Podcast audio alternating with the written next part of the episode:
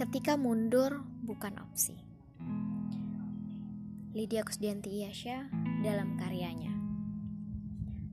Sampai kapan kita bertahan dengan bait-bait idealis kita?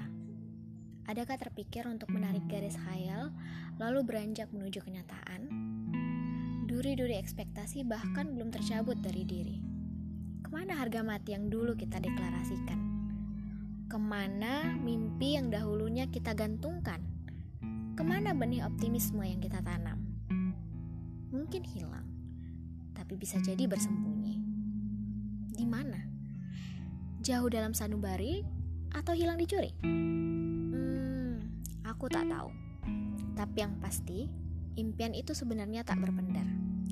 Hanya mungkin butuh dijabar, butuh sabar, butuh radar. Setakat demi setakat kita pasti sampai. Cepat atau lambat, kita akan berlabuh. Tugas kita hanya berjalan. Lalu sampai kapan? Sampai daftar mimpi kita menjadi realitas.